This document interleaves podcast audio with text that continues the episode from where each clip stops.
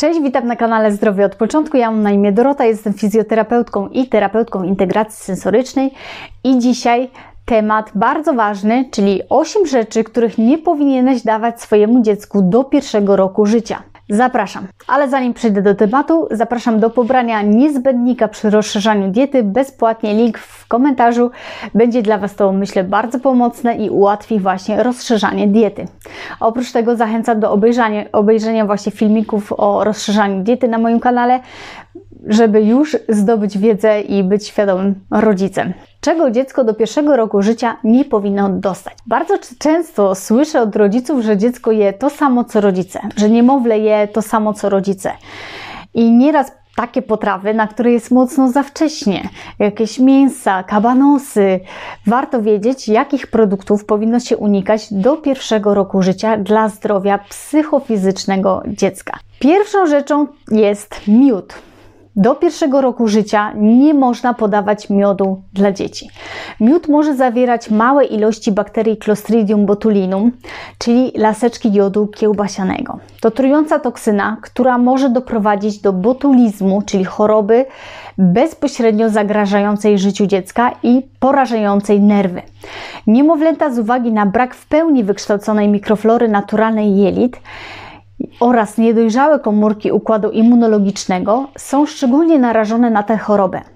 Miód to jedyny w zasadzie produkt spożywczy gromadzący Clostridium botulinum, dlatego WHO oraz Polskie Towarzystwo Gastroenterologii, Hepatologii i Żywienia Dzieci zalecają, aby nie podawać miodu niemowlętom poniżej 12 miesiąca życia, nawet tak po prostu do polizania łyżeczki, ponieważ może u nich dojść do rozwoju botulizmu niemowlęcego, choroby zbliżonej pod względem przebiegu do syndromu nagłej śmierci niemowląt. Druga rzecz to mleko krowie. Mleko matki bądź mleko modyfikowane powinny stanowić główne źródło mleka do 12 miesiąca życia. Mleko krowie, szczególnie uchate z kartonu, nie jest pożywnym produktem dla dziecka i wręcz jest odradzanym ze względu na to, że mleko zawiera dużo soli i ma niską zawartość żelaza, które jest niezbędne do rozwoju Twojego dziecka. Kiedy rozszerzasz dietę po szóstym miesiącu życia dziecka, to jeśli zrobisz coś z dodatkiem mleka świeżego, to będzie ok. Podobnie właśnie jak podawanie sera. Soki owocowe. Według Amerykańskiej Akademii Pediatrycznej sok owocowy nie jest tak pożywny jak cały owoc, nie ma błonnika i tak a zbyt duża ilość soku owocowego może zmniejszyć apetyt na bardziej pożywne stałe pokarmy, czyli dziecko już dostanie tyle kalorii z tego soku, że nie ma przestrzeni na to, żeby zjeść coś pożywnego, odżywczego. Sok owocowy może również powodować objawy żołądkowo-jelitowe, takie jak biegunka i wzdęcia. Picie soków owocowych może również skutkować zwiększeniem ryzyka próchnicy zębów ze względu na kwaśny charakter soków owocowych. Kolejną rzeczą, którą dziecko nie powinno dostać do pierwszego roku życia, to surowe i wędzone ryby. Spożywanie takich ryb może powodować objawy zatrucia pokarmowego u dziecka. Dodatkowo należy unikać ryb, które mają dużo metali ciężkich, takich jak choćby rtęć, lub mają właśnie mało wartości odżywczych, a są pełne jakiegoś syfu, czyli popularne w Polsce ryby to tuńczyk, panga, tilapia. Tych ryb powinno się właśnie unikać, szczególnie u małych dzieci, a na pewno u dzieci do pierwszego roku życia. Kolejna rzecz to sery z niepasteryzowanego mleka, czyli takie sery surowe. O ile one są zdrowe dla nas, dla dzieci nie. Sery zawierają białko, minerały, witaminy, a dzieci mogą jeść ser z pasteryzowanego mleka właśnie po szóstym miesiącu życia, ale najlepiej unikać serów, które są zrobione właśnie z niepasteryzowanego mleka ze względu na ryzyko listerii, która może powodować poważne choroby u dziecka.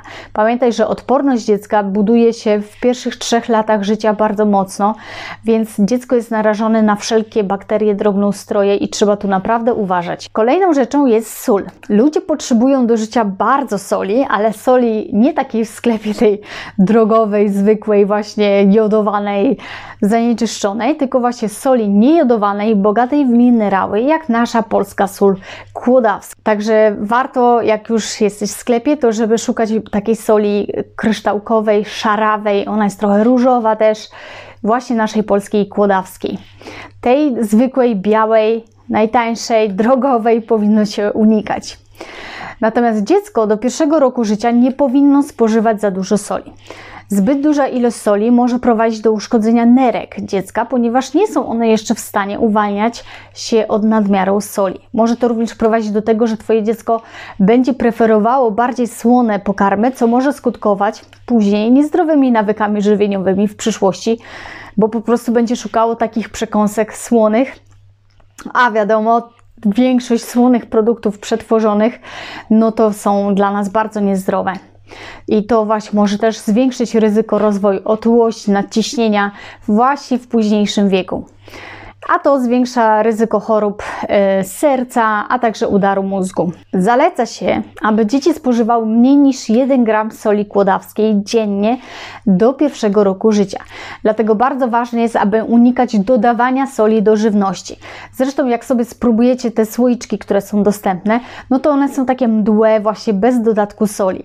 Jeśli dziecko zje zupę bądź jakiś, nie wiem, ziemniaki z sosem, który my ugotowaliśmy dla siebie, no to wiadomo, że e, na to wszystko poszło kilka łyżeczek soli i już to może być za dużo dla dziecka, bo pokarmy same w sobie zawierają również sól, więc jeszcze dodatek większej ilości soli dla małego malucha jest niebezpieczny. Kolejną rzeczą naprawdę niebezpieczną to twarde i okrągłe pokarmy. Unikamy produktów, którymi dziecko może się po prostu zakrztusić. Miałam kiedyś pacjenta, dziecko, które zadławiło się parówką doszło do głębokiego niedotlenienia mózgu. Możesz podać oczywiście dobrej jakości parówkę czy winogrono, ale zawsze przekrój wzdłuż, żeby nie była to obła, y, taka okrągła, twarda powierzchnia. Nie podawaj całych orzechów, popcornu, suszonych owoców, lizaków w całości. Y, to wszystko musisz pognieść, rozdrobnić. Oczywiście dziecko no, powinno gryźć, ale te produkty muszą być po prostu zgniecione, żeby nie utknęły.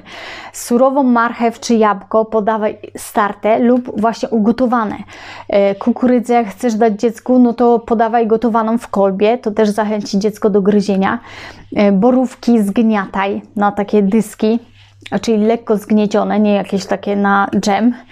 E, ponieważ dzieci mają tendencję do odgrywania takich większych kawałków jedzenia i nie mają jeszcze zębów trzonowych, którymi pogryzłyby jedzenie na mniejsze grudki. A drogi oddechowe dziecka są naprawdę bardzo wąskie, więc jeśli ten duży kawałek jedzenia wpadnie w niewłaściwy sposób, no to może zablokować drogi oddechowe i spowodować zadławienie. Także takie popularne y, dawanie do rączki parówki, to nawet u starszych dzieci bym się bała, po prostu trzeba przekroić i już i y, ryzyko jest dużo, dużo mniejsze. Czyli nie w pół, tylko wzdłuż.